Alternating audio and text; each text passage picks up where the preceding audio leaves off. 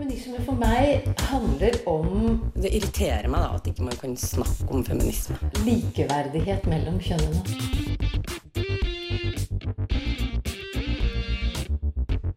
Det blikket på kvinnen på film. Det handlet om å bli tatt på alvor som jente.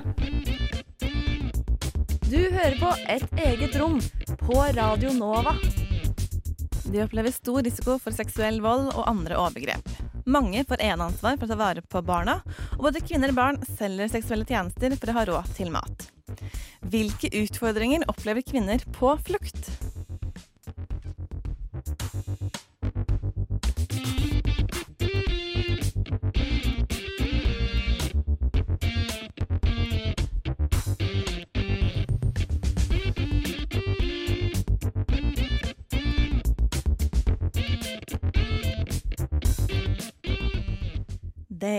Er blitt mars, eh, selveste kvinnemåneden, selv om det kanskje egentlig ikke er det, og selveste kvinneuken, selv om det kanskje egentlig ikke er det heller. Men Andrea Berg, gleder du deg til 8. mars? Ja! ja! Hipp hurra! Gratulerer med kvinnemåneden, selv om det kanskje ikke er det. Jeg syns vi kan feire en hel måned, for det er ganske mange ting å ta tak i på likestillingsfeltet fremdeles. Altså, vi feirer jo hele året, så Hver eneste måned så feirer vi at det er litt sånn kvinne, kvinnemandag. Mitt navn er Lina Rosmerg, og du hører på Radio Novas feministiske program. Og Andrea og meg vi skal holde deg med selskap fram til klokken blir 11 sammen med tekniker Magnus Tune. Og eh, for to uker siden så hadde vi en sending hvor vi satte fokus på dette med eh, kvinner, fred og sikkerhet. Og så i forrige uke så hadde vi besøk fra den norske Afghanistan-komiteen. Eh, hvor det jo har vært konflikt i 40 år nå. Eh, hvordan det er å være kvinne i et slikt konfliktfylt land. Og nå skal vi snakke om flyktninger. Og vi, for den oppmerksomme lytter så nevnte jeg sist at vi skulle få besøk i dag. Og det får vi ikke likevel. Flyktninghjelpen måtte dessverre trekke seg i litt sånn siste liten. Men vi har fremdeles mye å snakke om, du og jeg, Andrea. det har vi jo alltid. Definitivt. Men jeg tenkte vi kunne komme med noen tall og litt sånne ting først, så man liksom vet litt mer om hva er egentlig utgangspunktet. Hva er det verden har å, å jobbe med. Eh, og de siste tallene fra FN eh, det er at det er 70,8 millioner mennesker på flukt. Det er jo helt enormt mange mennesker. 41,3 millioner er interne. Det vil at de er et eget land, og da har de egentlig ikke status som flyktninger. Eh, For å være flyktning så må du ha flyktet til et annet land. Så ca. to tredjedeler av de som har måttet reise hjemmefra, de har ikke flyktningstatus. Men begge deler, da. De interne og de eksterne er jo, det har økt de siste ti årene. Og 85% av de som har flyktet til et annet land, oppholder seg i det vi kaller for utviklingsland. Og så kan man godt diskutere om det er den rette betegnelsen, men det er i hvert fall ikke i sånne land som det vi bor i, da. Selv om man noen ganger får inntrykk av at alle flyktninger kommer til Europa og Ja, i en flom. i en flom. De bare strømmer inn. Ja, ja, ja. Eh, Særlig nå den siste uken, hvor det er snakk om at eh, Tyrkia bare skal åpne portene til altså, denne verden av flyktninger som skal komme brasende inn i Europa.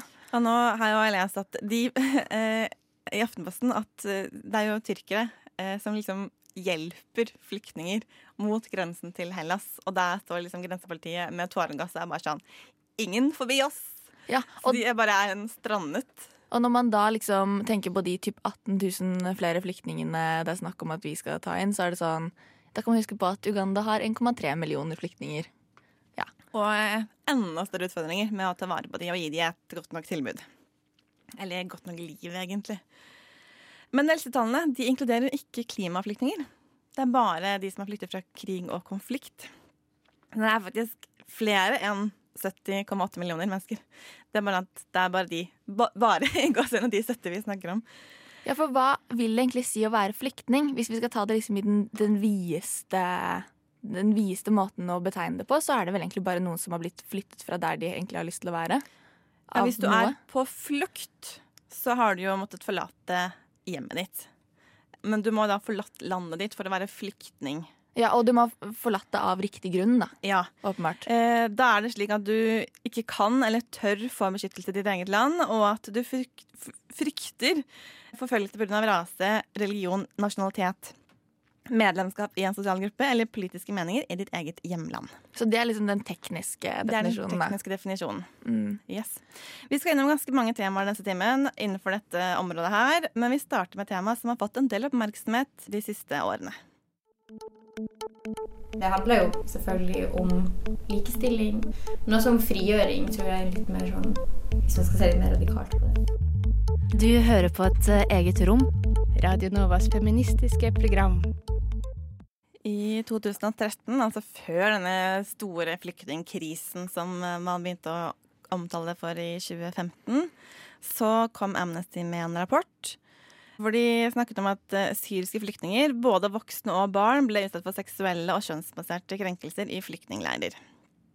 Eksempel voldtekt når man skulle gå utenfor leiren for å sanke ved, eller man ville gå på do i mer tryggere omgivelser. Tvangsekteskap ved ung alder, enten for å liksom redusere faren for utnyttelse, eller rett og slett for å få liksom Det har noe med trygghet å gjøre, da. Selv om det høres helt sånn rart ut at man liksom tvangsgifter unge jenter for å få trygghet. Men det er litt det som realiteten går på. At man kanskje faller tilbake på gamle, tradisjonelle systemer når ting går litt i oppløsning. da. Det er jo ikke så er Ja, eller hvis du er alenemor da, fordi mannen din er dødd, eller man har kommet fra hverandre, og så har man masse barn som man sliter med å få forsørge, så er det kanskje en Man tenker at det er en trygghet i å gifte bort døtrene sine til en mann, for det at Da da, er det han noen som kan ta ansvar. vare på det, liksom. for å forsørge. Ja. Og det er jo et stikkord egentlig når det kommer til kvinner på flukt. da. Eh, dette med å forsørge barna sine og ha ansvar for andre utenfor seg selv som kvinne. Og det er jo noe av det mest definerende kanskje for kvinner på flukt. Men det man også har sett, da, og det kan kanskje henge litt sammen med den her måten å måte, skulle organisere livet sitt på, det er jo at man så sånn økning i partnervold eller vold i nære relasjoner. Og det er jo ekstreme situasjoner man lever under i, så det er kanskje ikke så rart at også den typen vold øker. Nei, og nå kom det jo eh, forrige uke en rapport fra Refugees International som, eh, som konkluderer med at eh, liksom en, sånn, en sånn enda større overoppfylling av greske leirer den setter kvinner og jenter i enda større fare for vold og seksuell trakassering og seksuell vold. Eh, og det er noe med det, det presset, da. Å bo ekstremt tett på hverandre og mm, ja, uten uh, systemer som sitter på plass. da. Og ja, altså, det henger også sammen med dette med mangel på sanitærforhold. Uh, enten fordi at man ikke føler seg trygg når man skal på do, eller fordi at det er ikke nok toaletter, eller man må dele liksom, dusjrom og toaletter, altså både kvinner og menn, da. Som gjør at kvinner i større grad går utenfor flyktningleirer, og da blir enda mer utsatt for eh, både overgrep og kidnappinger, og det å kunne ja, bli utsatt for menneskehandel, rett og slett, da. Men eh, det var liksom i 2013, og snakker, altså det kommer fremdeles rapporter som sier det samme. At som kvinne eh, så er du veldig utsatt for dette med seksuelle overgrep, og også vold, rett og slett. Og en journalist som har skrevet en del om det her, det er Lauren Wolff. Og hun har jo poengtert på at altså det, både tjenestemenn, smuglere, andre flyktninger og menneskehandlere, i tillegg til politiet, som, som gjør det her. Så det er en ganske sånn sammensatt gruppe som utnytter kvinner på et vis, da. Eller som påfører dem eh, vold i disse situasjonene. Så det kan like være, gjerne være de som er der egentlig for å beskytte kvinnene, Ja. som eh, Eller andre går til og skal hjelpe. Ja. Ja. Eh, og det er jo flere eh, rapporter hvor kvinner forteller om at um, de får jo tilbud om å betale for tjenester med sex. Og noen tar det nesten litt for gitt. Sånn, hvis, hvis du gjør det, så skal jeg hjelpe deg, og da tenker man liksom, selvfølgelig kommer hun til å si ja, og så sier hun nei, og så Det er noe med den forventningen til at fordi det er en kvinne, så, så er det liksom fritt vilt. Og kanskje også sånn når du reiser, når du flykter, da, så er det jo liksom en ganske høy sannsynlighet for at du ikke får med deg så veldig mye. Du har kanskje ikke med deg så veldig mye mer enn kroppen din. Hvordan skal du komme deg frem i verden, da? Det, det er ikke så, Og tradisjonelt så har jo det vært en, en forventning av sårbare kvinner. da, At man kan ta seg til rette hvis man er i en maktposisjon. Dansk Folkehjelp de har gjort en undersøkelse hvor de intervjuet 1000 kvinner fra Afghanistan, Øst- og Vest-Afrika. Eh, og de forteller at de flykter jo fra overgrep og usikkerhet, for så å oppleve at de utsettes for enda mer og tøffere og grovere overgrep underveis mens de flykter. Og det, da sier det seg selv at man flykter for trygghet, og så ender det med at man flykter for å oppleve overgrep. Altså, ja. Det er noe som er veldig grunnleggende feil. Mm, det er Her. en skikkelig bitter eh, ironi i det. Og også det syns jeg leser eh, mye, er folk som forteller at ok, vi, vi flyktet fra noe som en, et kjent onde, men så drar vi jo bare ut i verden og vet jo ikke hva som er reglene, hvor vi skal, hva som er forventet. Og det blir en sånn en utrygghet som, som gjør at særlig kvinner blir helt ekstremt sårbare. da. Tirana Hassan i Amnesty International hun har jo sagt eh, for, eh, i forbindelse med en rapport som de kom i også i 2016, at altså, det er så enkelt som å sikre man liksom adskilte soveplasser. At kvinner og menn ikke skal dele telt eller bygninger. Med mindre de er liksom i nær familie. Og flere toaletter og adskilte toaletter. Bare det er liksom nok til å gjøre en stor forbedring, da. Eh, og man tenker at ja, det er jo så lite, hvorfor klarer man ikke å få det her igjennom? Og det har jo sikkert ofte med at det er veldig mange flyktninger på veldig små områder. Så det er jo kapasiteten er liksom sprengt til 1000, liksom. Og en annen ting som man jo veldig, har blitt veldig opptatt av, er jo prevensjon. Som en, som en måte å beskytte kvinner på som er på flukt.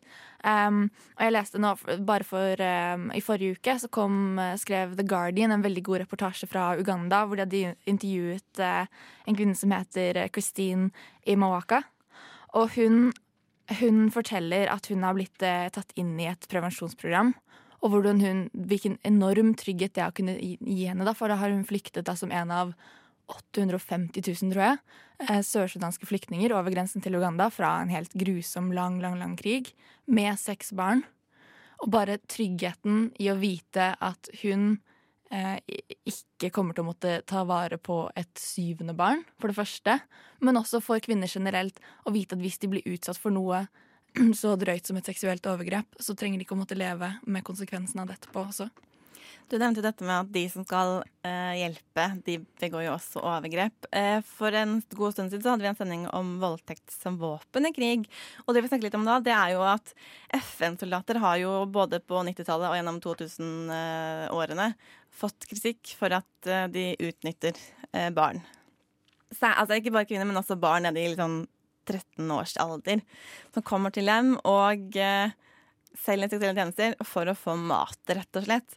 Eh, og det samme gjelder også vestlige bistandsarbeidere. Eh, der viser rapporter bl.a. fra Amnesty og Redd Barna at når vestlige medarbeidere drar til sånne steder, så øker etterspørselen etter eh, prostituerte, rett og slett. Og også de har jo fått kritikk for å utnytte altså, ikke alle, men det er jo enkelte her da, som utnytter barn og jenter i denne situasjonen til å liksom få dekket et seksuelt behov som de strengt tatt ikke burde hatt når de er der som hjelpearbeider. Mm. Eh, jeg skal bare si helt sånn kort på slutten. Det, det her gjelder ikke bare kvinner, det er også menn. Blant annet i Libya så har man jo sett at flere millioner menn som reiser gjennom Libya, opplever eh, seksuelle overgrep på veien. Bare så for å ha sagt at vi vet at det rammer eh, begge deler, på en måte. Og at eh, seksuell vold jo gjerne blir brukt mot menn i krig som en måte å femininisere og ydmyke dem. Så det har, eh, spiller kanskje inn en annen type dynamikk, da. At vi derfor snakker om det på andre måter. Ja. Ja. ja, ikke sant. Et absolutt eget rom. Et helt ekte eget rom. Et eget rom. Et helt seriøst og morsomt eget rom.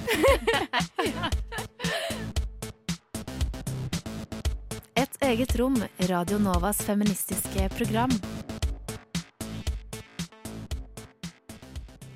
Et sted det har vært en del snakk om de siste årene, det er grensen mellom USA og Mexico, og Peter har sett nærmere på hvordan mennesker behandles ved varetektsfengslene ved denne grensen. Det har hendt sterke brudd på menneskers rettigheter i varetektssentrene man havner i dersom man forsøker å krysse grensen inn til USA. I et forsøk fra Trumps administrasjon om å forminske innvandringen til USA, skapte de et system der barn ble separert fra familiene sine, og i noen tilfeller forsvant inn i systemet.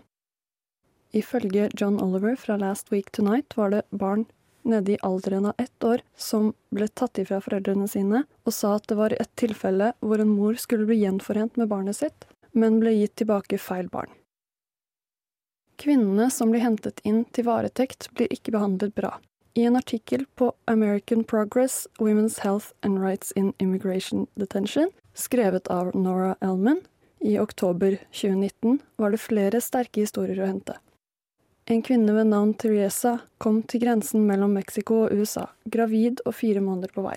Hun ble arrestert av grensepatruljen og deretter holdt i varetekt i en celle i 24 timer. Selv om hun fortalte ansatte der at hun var i store smerter og hadde store blødninger, ble hun ignorert og fikk ikke tilsyn av helsepersonell. Etter å ha blitt flyttet til et varetektssenter for asylsøkere, fikk hun møte med helsepersonell på stedet, men hun fikk ikke dra til sykehus. Det tok flere dager før de fastslo at hun hadde spontanabortert.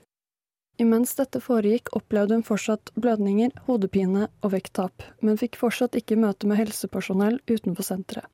I tillegg måtte hun selv betale for medisiner som senere ble konfiskert. Fire måneder senere var hun fortsatt i varetekt, fortsatt i smerte og ble ennå ignorert av helsepersonell. Kvinnene som blir holdt i disse sentrene, må venne seg til at dersom de trenger hjelp, alt fra mental helse til smertelindring, er de nødt til å utøve en endeløs tålmodighet. Ansatte på sentrene har i American Progress sin artikkel blitt beskrevet som både underbemannet og likegyldige til hva asylsøkerne går igjennom, på tross av at det er deres ansvar å ta vare på de menneskene de holder i varetekt. I tillegg til å mishandle kvinnene som trenger deres hjelp, har de tidligere deportert kvinner som søker asyl, på grunnlag av partnervold i hjemmet sitt, fordi dette ikke ble sett på som god nok grunn til å søke asyl. Der hørte du Petra Berg. Eh, og Andrea, vi var jo bitte litt innom det i forrige runde. Eh, dette man, man, mange kvinner er jo gravide, og mange kvinner blir gravide når de har flyktet eh, hjemmefra. Ja, dette fins det faktisk eh, tall på. De er tross alt fra 2015, men fra altså United Nations Population Fund. Eh, de estimerte da at 100 millioner mennesker i verden i dag har behov for humanitær hjelp, og en fjerdedel av disse her, så 25 millioner mennesker, da, er i reproduktiv alder. Så dette med graviditet da, er jo bare ekstremt viktig når man snakker om kvinner i krise. Og mange av disse her er jo kvinner som er på flukt. Og så eh, har det kommet ut eh, Eller i 2016, så året etterpå, kom det ut en eh, masteroppgave som ble skrevet av eh, Ragnhild Brauseth og Karen Grorud. Eh, som skrev den i Det er en master i jordmorfag, eh, hvor de har sett på hvilke opplevelser og erfaringer som kvinner i asylmottak har fra å være gravide på flukt. Intervjuet, da. Dybdeintervjuet fem kvinner. Og det Altså, utgangspunktet for at de ville se på det, da, er at eh, de hadde vært i praksis selv og liksom møtt kvinner som kom eh, til helsestasjoner uten papirer eh, og med dramatiske historier. Og som var dypt traumatiserte da, pga. den skrekken de hadde levd med på flukt. Og det de fant, var jo at eh, man har en slags sånn tredelt, eh, tredelt behov for å beskytte seg ofte når man er kvinne på flukt. Man flykter jo ofte med barn som man ønsker å beskytte. Og så ønsker man å beskytte et uh, ufødt barn eh, som det er vanskelig å beskytte når du ikke har tilgang på helsetjenester. Og ikke sant, eh, det fins eh, Når det kommer til et, et, barn utenfor kroppen din, så kan du liksom ofte beskytte det eh, med en sånn kompetanse som du har bare som menneske. Men et barn inni magen trenger du jo gjerne helsepersonell for å passe på. Eh, også i tillegg, for å holde disse to første partene i livet, så må du beskytte deg selv.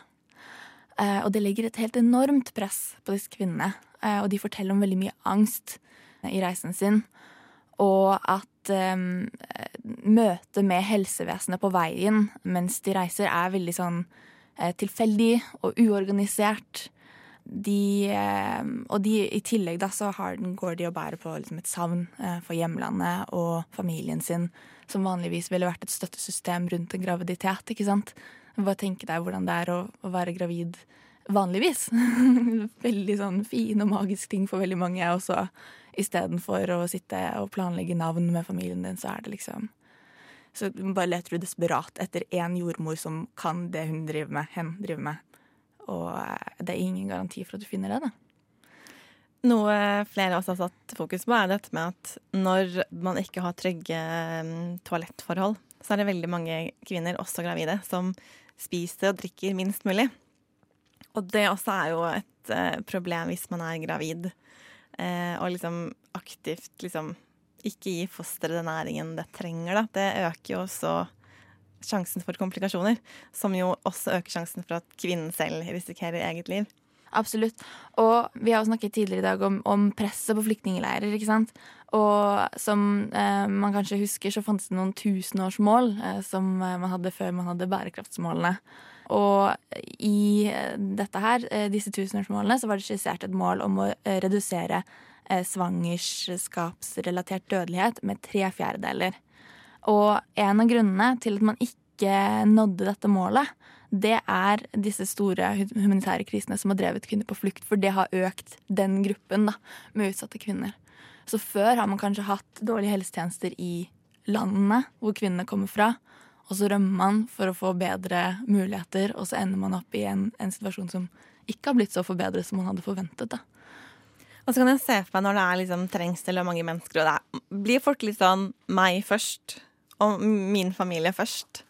At man kanskje det, det også påvirker de som kanskje er mest sårbare, da, som jo er ikke bare barn, men også gravide kvinner. Mm. At det er litt sånn Folk bøyer seg frem, og man blir litt mer voldelig og Det er jo klart det en, en ekstremt sånn tens situasjon å bo i en flyktningleir.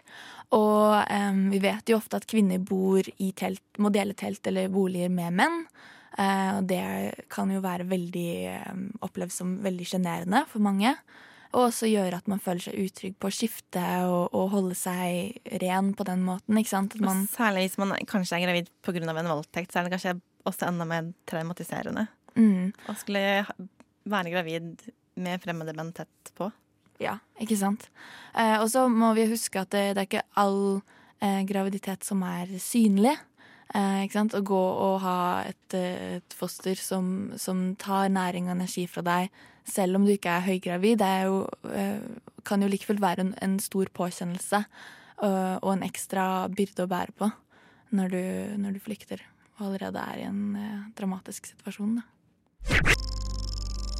Du Du Du hø hø hører på. på Radio Nova. Gode og trygge sanitærforhold og tilgang til rent vann og sanitærprodukter er et eh, vesentlig problem for veldig mange flyktninger. Og dette er nå utgangspunktet for det vi skal eh, høre nå. Hvordan er det å være på flukt og få mensen for første gang? De fleste kvinner husker nok veldig godt hvordan det var å få mensen for første gang. Jeg fikk min i naturfagstimen i åttende klasse. Jeg husker jeg satt der og ikke klarte å følge med fordi jeg hadde så vondt i magen. Og når jeg kom hjem og så at jeg hadde blødd, så ble jeg jo helt forskrekka. Jeg husker at jeg tenkte at eh, det her er jeg ikke klar for, spesielt hvis det skal gjøre så vondt hver eneste måned. Men jeg var veldig trygg. Jeg hadde to eldre storesøstre som hadde lært meg det meste, og ikke minst en pappa som kjørte innom butikken på vei hjem for å fikse alt det jeg trengte. Det er absolutt ikke en selvfølge for andre kvinner i verden.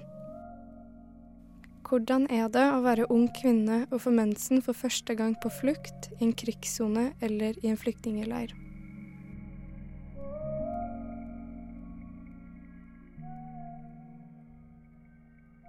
For kvinner på flukt er de utfordringene som kommer med menstruasjonen, langt større enn for de fleste.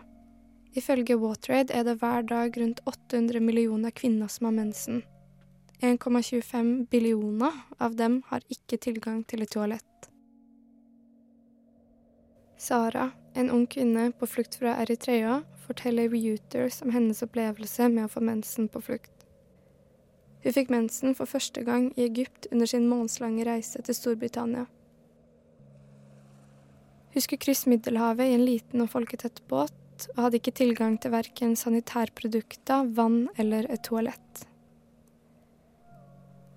På veien så sleit hun også med å spørre etter det hun trengte, for hvordan skulle hun klare å kommunisere det til menn som verken snakka språket hennes eller forsto hvilket ord hun var ute etter. FNs befolkningsfond har også skrevet om Mary Annie, en 13 år gammel jente som fikk mensen for første gang i flyktningleiren Luova. Leiren er hjem til over 14 000 flyktninger fra Kongo. Hun hadde ingen anelse hva som skjedde med hun, og visste ikke hva mensen var. Hun beskrev det som en trist og skamfull dag. Stigmaer rundt mensen har eksistert i lang tid gjennom kultur og historie. og det er ikke uvanlig for kvinner å internalisere de destruktive mytene. Det finnes lite verdighet i å ha mensen på flukt. I mangelen på sanitærprodukter er kvinner tvunget til å bruke hva enn de finner rundt seg. Kombinert med mangel på tilgang til rent og varmt vann risikerer de infeksjoner og andre helseproblemer. I en studie utført av Global One i flyktningleirer i Syria og Libanon fant de at nesten 60% av kvinnelige flyktninger ikke har tilgang til undertøy, og langt færre har tilgang til sanitærprodukter. Over halvparten av kvinner hadde lidd av urinveisinfeksjoner som en følge av det her. De fleste av infeksjonene var ubehandla. Mangelen på sanitære forsyninger hindrer også kvinner i å bevege seg rundt i leiren pga. stigma rundt menstruasjon og risikoen for synlige blødninger. Noen rapporter indikerer også at kvinner og jenter velger å bli i teltene når de har mensen, pga. frykt forbundet med å gå til eller bruke delte toaletter, spesielt om natta.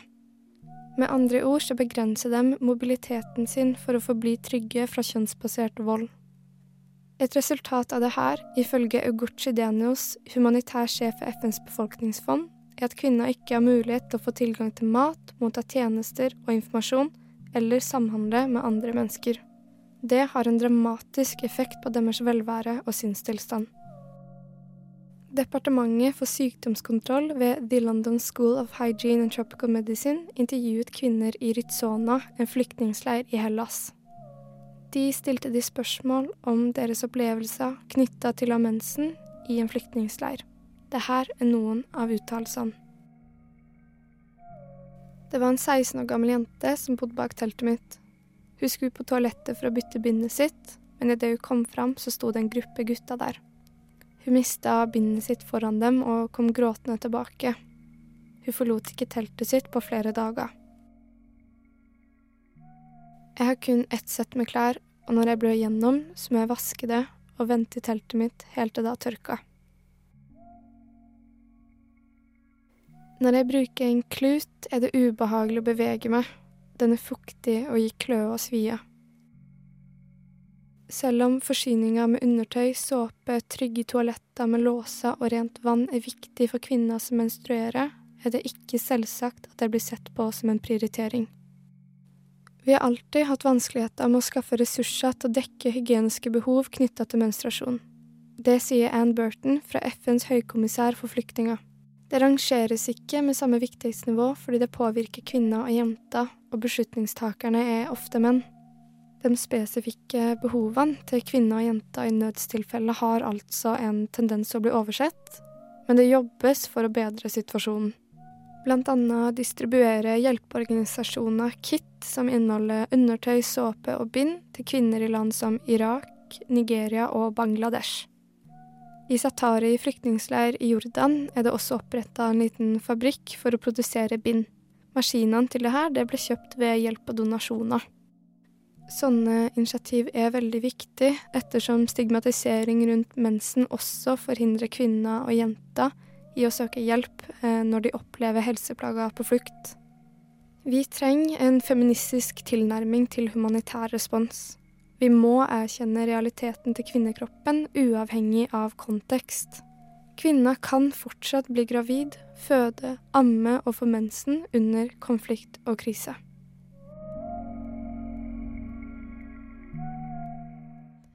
Hanna Johnsen, hørte du der. Jeg leste en artikkel i dag i Aftenposten at på denne grensen mellom Hellas og Tyrkia så er det satt opp fire midlertidige toaletter for ganske mange tusen eh, flyktninger. Og da kan man jo bare se for seg det trykket på de fire toalettene. Og hvis det da er jenter må stå liksom i timevis med kø for å gå på do eller skifte bind, så blir jo det en ganske stor utfordring. Jeg synes, eh, Hanna og jeg snakket jo sammen før vi skulle lage denne sendingen. Jeg syns hun sa noe veldig godt, eh, om enn litt banalt, om at eh, man slutter jo ikke å være kvinne med det som kommer med det, bare fordi verden, liksom, din verden brenner ned. Du slutter ikke å bli gravid, du slutter ikke å få mensen. Og du slutter ikke å trenge tilgang på toalett akkurat når du trenger det. Men vi snakker kanskje ikke om det likevel? Eller sånn vi er jo også sånn at eh, det kan no, I noen tilfeller så blir kanskje kvinnerettigheter ignorert med vilje, men ofte kanskje at de som styrer de leirene som menn, ikke helt liksom begriper hvilken problematikk eh, kvinner sliter med. Da. Ja. Ja. En annen problematikk som jeg egentlig nesten aldri har hørt om, det, det er det der retten til å eie og retten til å bo, også når man er flyktning. Eh, For de fleste de bor faktisk i en flyktningleir. De bor i eh, altså urbane strøk. Mer enn 60 Og de som er interne, der er det 80% som bor i urbane strøk. Eh, veldig mange av disse har jo altså Enten så lever de på gata, for de har ikke noe sted å bo, eller så får de jo leie, men uten noen egentlig rettigheter. Og de risikerer å bli kastet ut når som helst. Eh, Så veldig sånn usikkert uh, uttrykt leiemarked. Det er under krig. Men etter krig, når man kommer tilbake igjen kanskje, så er huset ditt bombet i stykker, eller noen har okkupert det, så du får det ikke tilbake igjen. Og det her er ekstra vanskelig for kvinner, fordi selv om man kanskje har rettigheter i det landet man kommer fra, så er det en ganske utstrakt diskriminering mot kvinner når det gjelder retten til, uh, til egen bolig retten til eiendom. Slik at man taper liksom av tradisjoner og strukturer, og som kanskje særlig blomstrer opp etter eller under en konflikt. Eh, Og et eksempel på det er eh, fra Uganda. Hvor man jo i mange år hadde borgerkrig, eller flere borgerkriger. Eh, hvor man så at særlig Altså det var sånn at menn var de som tradisjonelt arvet eiendommer og boliger. Og så fikk liksom kvinner retten til bolig ved å gifte seg. Men når da menn dør ikke de, eller blir borte, eh, og kvinner sitter der uten formelle papirer, så starter diskrimineringen. Og det man særlig så i Uganda, det er sånn tidlig 2000-tall, det var jo at det her ble et problem med tanke på korrupsjon. At de som kunne gi de papirene på at de hadde retten til boligen sin, de skulle ha penger for at de skulle få disse papirene. Sånn at det er noe av det blant annet Norge har jobbet mye med en organisasjon der som skulle jobbe med nettopp korrupsjon som hindrer kvinner i å få egen bolig. Men også i land som Afghanistan, i enkelte områder der, så har man jo sett at selv når kvinner faktisk eier eller har arvet boliger, så er det liksom en tradisjon for å si at men hvis du er kvinne, så er det liksom skammelig eh, og ukrinnelig å eie. For det er jo en mann som skal gjøre. Det er en mann som skal forsørge familien sin. Slik at selv med papirer så blir de presset ut eh, av hjemmene sine av eh, andre menn i området. Og det er jo alt Altså, Verdensbanken gjorde i 2015 en undersøkelse av 173 land, og i 35 av dem så hadde kvinner dårligere arverett enn menn, og da er det blant annet bolig, hvor menn i større grad har arveretten enn det kvinner har. Og det er noe med at når du ikke har en bolig, og du kan føle deg trygg, så er det jo altså ikke bare en økonomisk utrygghet, men også at man er mer utsatt for vold og overgrep eh, fra omgivelsene. Men det som er eh, interessant, da, siden du nevner Uganda, eh, det er på en måte å ta det tilbake til under konflikten. da. Eh, men der er det jo en Der får eh, flyktninger eh, en jordlapp når de kommer over grensen fra nabolandene med konflikt. Sånn som nordmenn fikk i USA eh, back in the day. Og det også gir jo Jeg syns det mm, er veldig fint, da, for det gir jo en autonomi der og da. Og så vet ikke jeg hvor, eh, hvor mannsdominert det eh, markedet er, men Nei, det vet ikke heller. Jeg vet at man har jobbet mye med organisasjoner der for å gjøre det bedre. Så mitt eksempel var jo fra sånn tidlig 2000-tallet, og det er jo faktisk 22 år siden. Sånn at uh, mye kan skje på, på 20 år. Jamila Jamil. Kanskje et av mine forbilder, som jeg syns er veldig kul. Hennes motto er liksom at så lenge man er opptatt av å lære og utvikle seg, så skal alle få lov til det. Så alle kan jo si dumme ting en gang iblant, eller trå litt feil, men å da gå tilbake og, og liksom si unnskyld, og jeg er fortsatt i utvikling, og jeg lover å gjøre det bedre neste gang. Du hører på Et eget rom. Radio Novas feministiske program.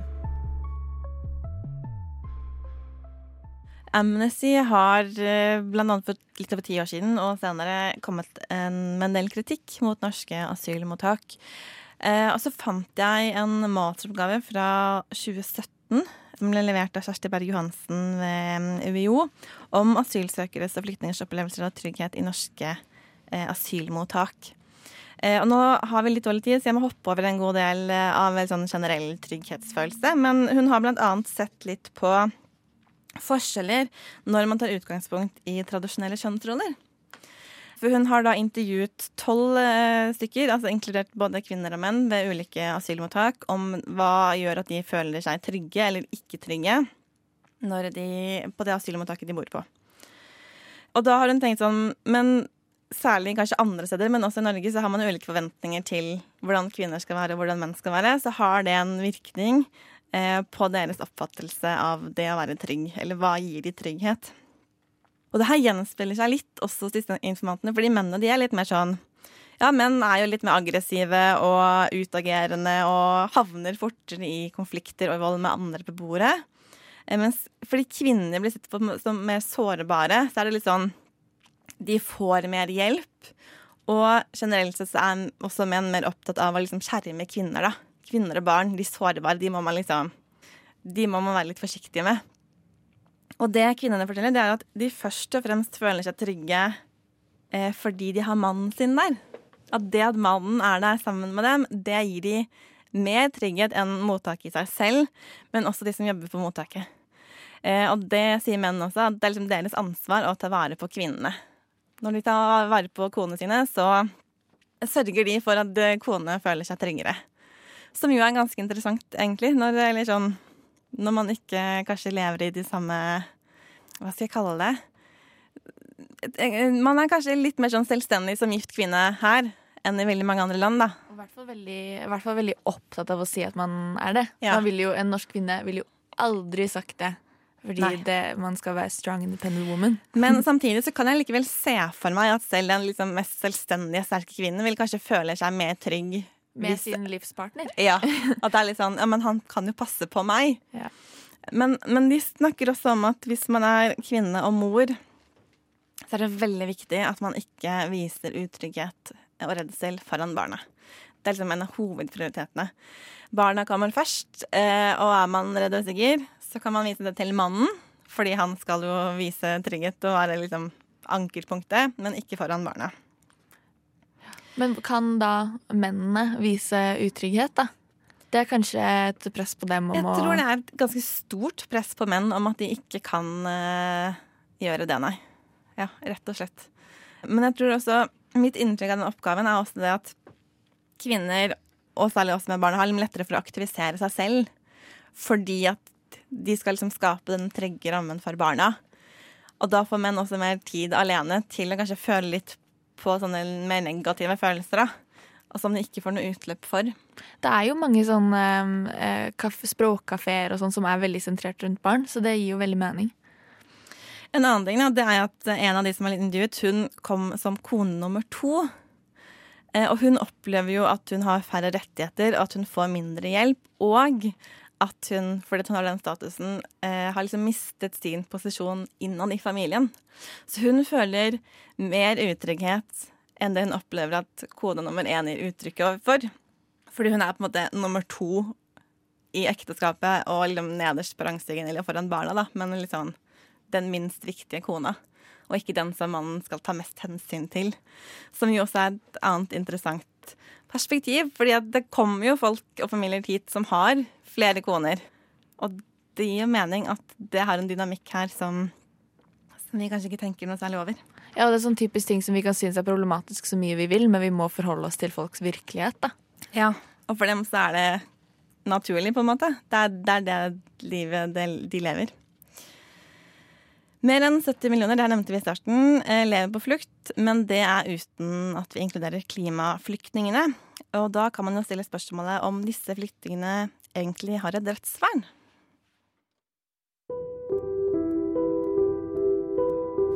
En flyktning er ifølge FNs flyktningkonvensjon en person som har flykta fra sitt hjemland med berettiga frykt for forfølgelse på bakgrunn av rase, religion, nasjonalitet, politisk oppfatning eller tilhørighet til en bestemt sosial gruppe. Per dags dato omfatter verken flyktningkonvensjonen eller norsk utlendingslov klimaflyktninger.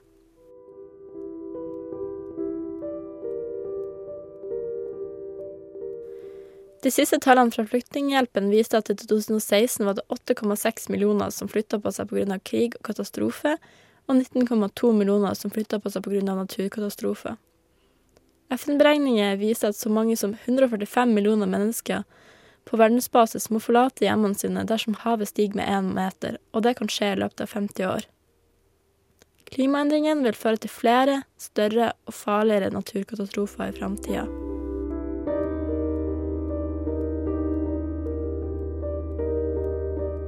Nina Bergan Holmelin, forsker ved Cicero senter for klimaforskning, forklarer på senteret sine nettsteder at flukt tradisjonelt er forbundet med krig og konflikt. Klimaflyktninger er ikke et etablert juridisk begrep, annet fordi det er så vanskelig å enes om en definisjon som kan favne alle de som føler seg som klimaflyktninger. Det er lettere å se at stigende havnivå som gjør hele øysamfunnet ubeboelig, er knytta til klimaendringer, enn den gradvise degraderinga av jorda som er folks levebrød.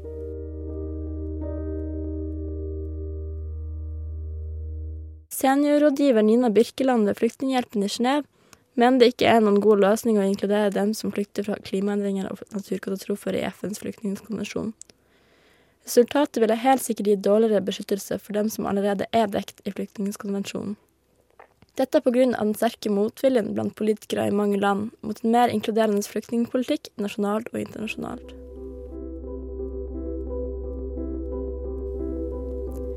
I sin kampanje 'Klimakamp er kvinnekamp' påpeker Spire at klimaendringen også har en kjønnsdimensjon.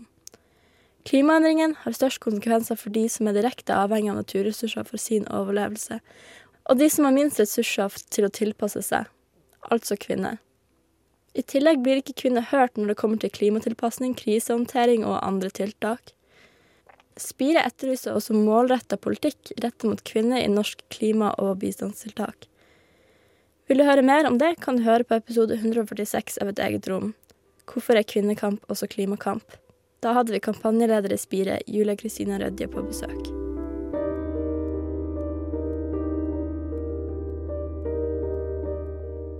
Kvinnelige klimaflyktninger opplever altså alle de samme utfordringene som andre kvinner på flukt, men de har ingen form for rettsvern. Som forsker Nina Bergan Holmelin sier. Man kan jo i grunnen si at svaret er enkelt. Vi får ikke reversert de endringene som allerede har skjedd, men klarer vi å redusere utslippene og bremse klimaendringene, vil i alle fall ikke behovet for å flytte på seg bli enda større.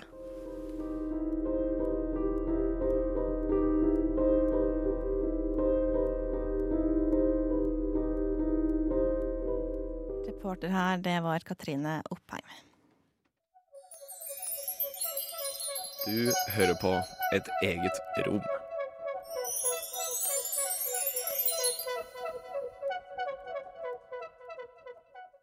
Og det blitt tid for noen eh, feministiske nyheter. Danske filmskapere må nå begynne å beklager, telle antall kvinner som jobber med film. Målet er å få utnyttet mer kvinnelig talent. Fra 1. mars så må produsenter som søker støtte hos Dansk Filminstitutt, rapportere om fordelingen mellom kvinner og menn, og det samme skal gjøres når filmen er ferdig produsert. Rapporteringen skal brukes for å skape bevissthet i bransjen, men vil ikke bli brukt i vurderingen av hvilke filmer som skal få økonomisk støtte. Ordningen har blitt testet et års tid, og det er en samlet filmbransje som står bak initiativet. Tilbake her i Oslo så har eh, den 16 år gamle videregående-eleven Hanna Dahl Ullmann fått eh, publisert et leserinnlegg hos Aftenpostens eh, side på onsdag forrige uke. Og der etterlyser hun flere kvinner på pensum. Dahl Ullmann hun forteller at kvinnehistorie plasseres i små tekstbokser i margen av samfunnsfagboken hennes, som en slags tilbehør til den faktiske historien som handler om menn. Og at kvinnene ofte ikke er navngitt engang. Blant annet sier hun Hvorfor skulle vi ha om Bjørnstein Bjørnsons En hanske, som handler om likestilling mellom kjønnene, uten å vite at hele ideen kom fra Camilla Collett? Hun forteller at argumentet fra lærerne ofte er at kvinner ikke har hatt de samme maktposisjonene, og derfor kanskje ikke vært liksom, like relevante for historien. Men dette er jo et veldig godt eksempel på at det var kvinnen som startet diskusjonen i utgangspunktet. Sist fredag så hadde nettavisen Framtida en sak om 18 år gamle Malin, som opplevde at en utleier ikke var interessert i å leie til henne fordi hun er bifil. Malin forteller til avisen at hun la ut en annonse på Facebook om at hun så etter et sted å bo, og at en dame tok kontakt med henne med info om leiligheten og om praktisk, eh, andre praktisk info. Da damen fant ut at Malin er bifil, ble tilbudet tråkket tilbake med legningen som årsak. Og Ifølge Diskrimineringsombudet så er det slik at huseiere i utgangspunktet ikke kan diskriminere på bakgrunn av legning.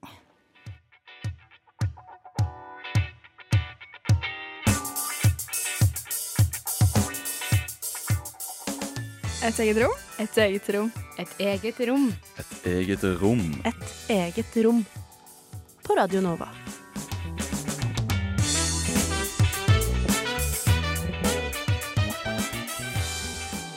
Klokken nærmer seg elleve, og det betyr at vi må pakke oss ut av studio, eh, Andrea.